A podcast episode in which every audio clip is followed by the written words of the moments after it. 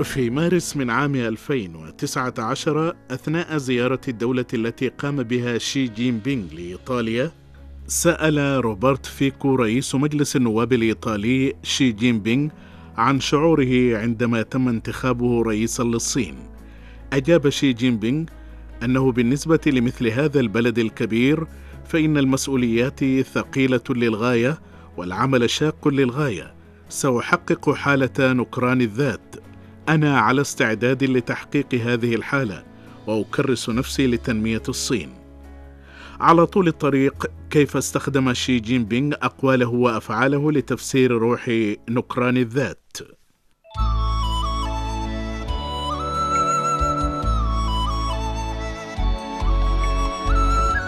في صباح أحد أيام أبريل من عام 1982 عكس ضوء الصباح طريقا ريفيا وعرا.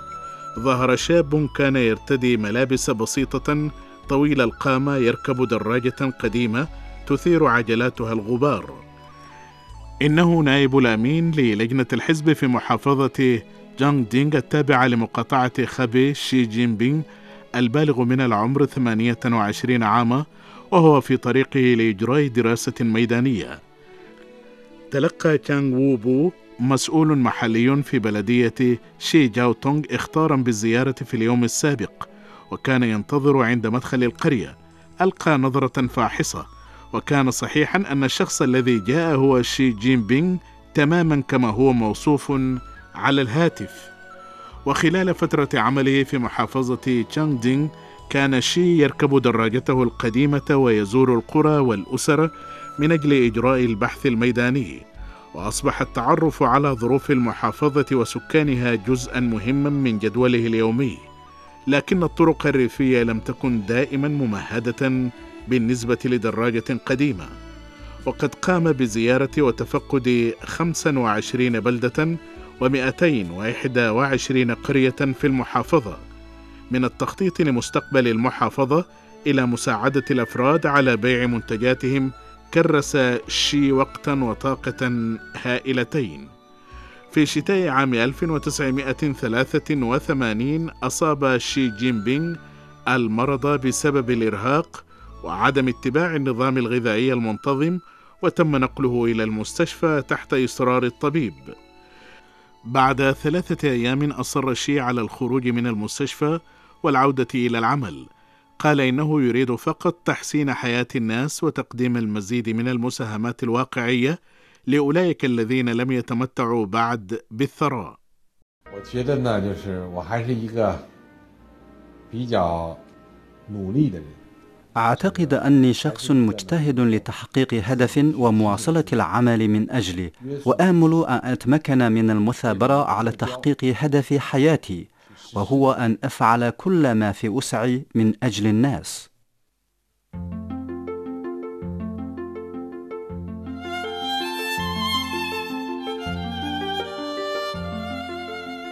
من تشانغدينغ إلى شنغهاي من المستويات المحلية إلى الحكومة المركزية سافر شي جين بينغ على نطاق واسع لإجراء العمل الميداني والبحوث وفي رأيه من خلال فهم الظروف الفعلية للناس على المستوى الشعبي والاستماع إلى الآراء من جميع الأطراف يمكن للمرء الوصول إلى جوهر المشاكل والتوصل إلى أفضل الحلول لتعزيز التنمية لمعالجة الشواغل الملحة للناس العاديين بشكل فعال يختار شي جين بينغ دائما أصعب الطرق ويتحمل أثقل المسؤوليات.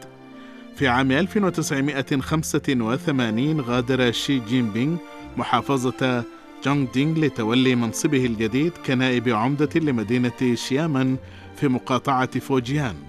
وطلب تولي ملف عمل الزراعة والريف وبدأ بحثه الميداني في الريف في اليوم الثالث من وظيفته الجديدة. على عكس اليوم كانت معظم أجزاء شيامين لا تزال مناطق ريفية في ذلك الوقت. وفي السنوات الثلاث التالية غطى شي جين بينغ سيرا على الأقدام المناطق النائية والفقيرة. في قرية جيونينغ المنكوبة بالفقر وقرية باي كياوسي الواقعة على الجبال العالية سار شي عبر التضاريس الصعبة للتحدث مع القرويين والتعرف على ظروفهم. ساعدهم في إيجاد طرق للخروج من الفقر. بما في ذلك زراعة الشاي وأشجار الفاكهة عند سفح الجبل والحفاظ على غابات الجبال. وقال شي جين بينغ إن القادة والمسؤولين يجب أن يتعمقوا في المستوى الشعبي ويصلوا إلى المناطق الأكثر تخلفا لمعالجة القضايا الملحة والصعبة للشعب. فقط من خلال القيام بذلك يمكن سماع أصوات الناس وتلبية احتياجاتهم. كان هدف شي جين بينغ دائما هو ضمان حياة أفضل للناس.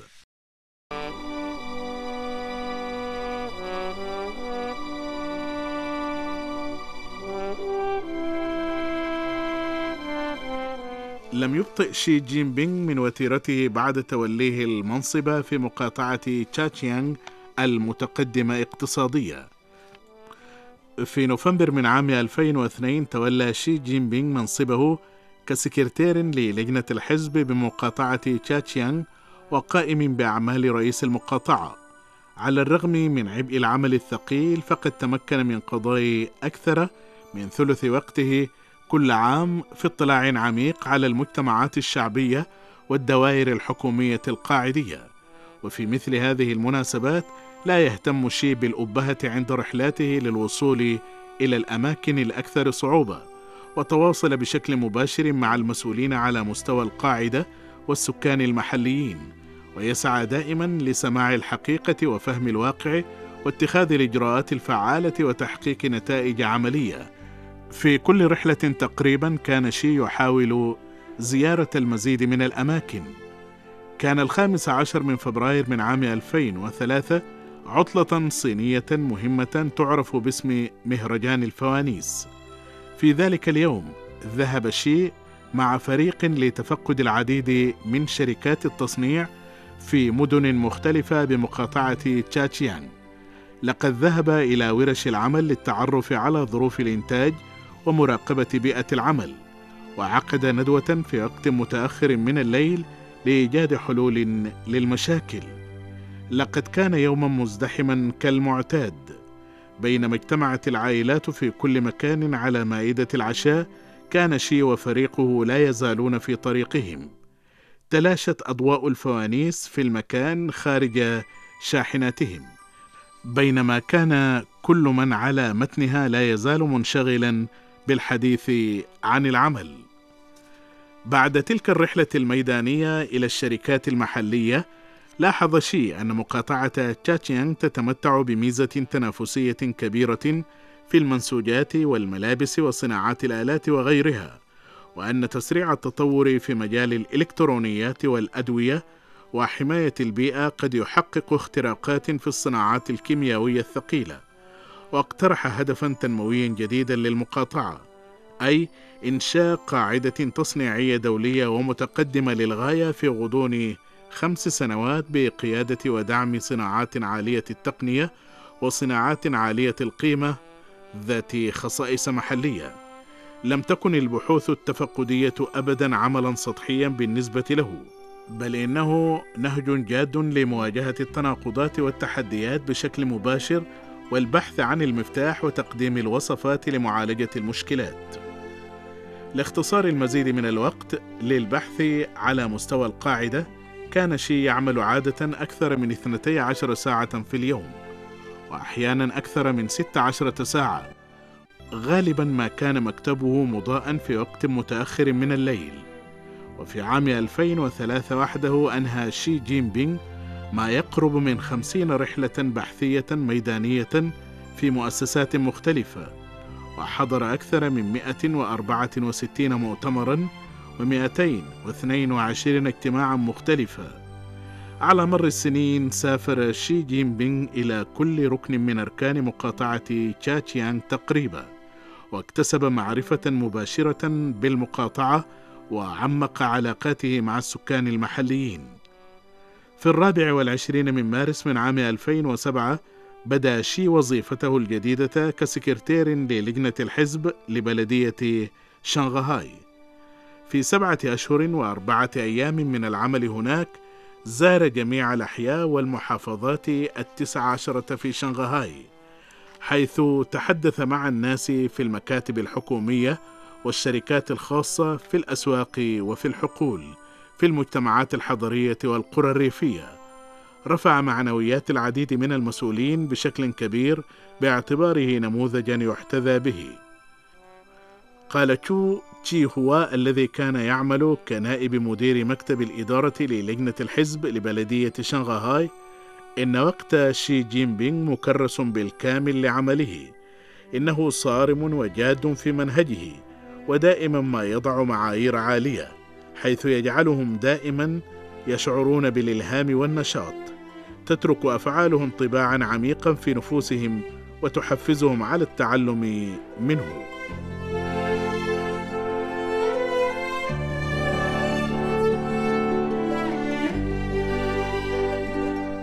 قال شي جين بينغ بصفتي زعيما للصين فإن خدمة مليار وأربعمائة مليون صيني والعمل معهم من أجل حياة أفضل يمثل تحديا كبيرا ومسؤولية كبيرة.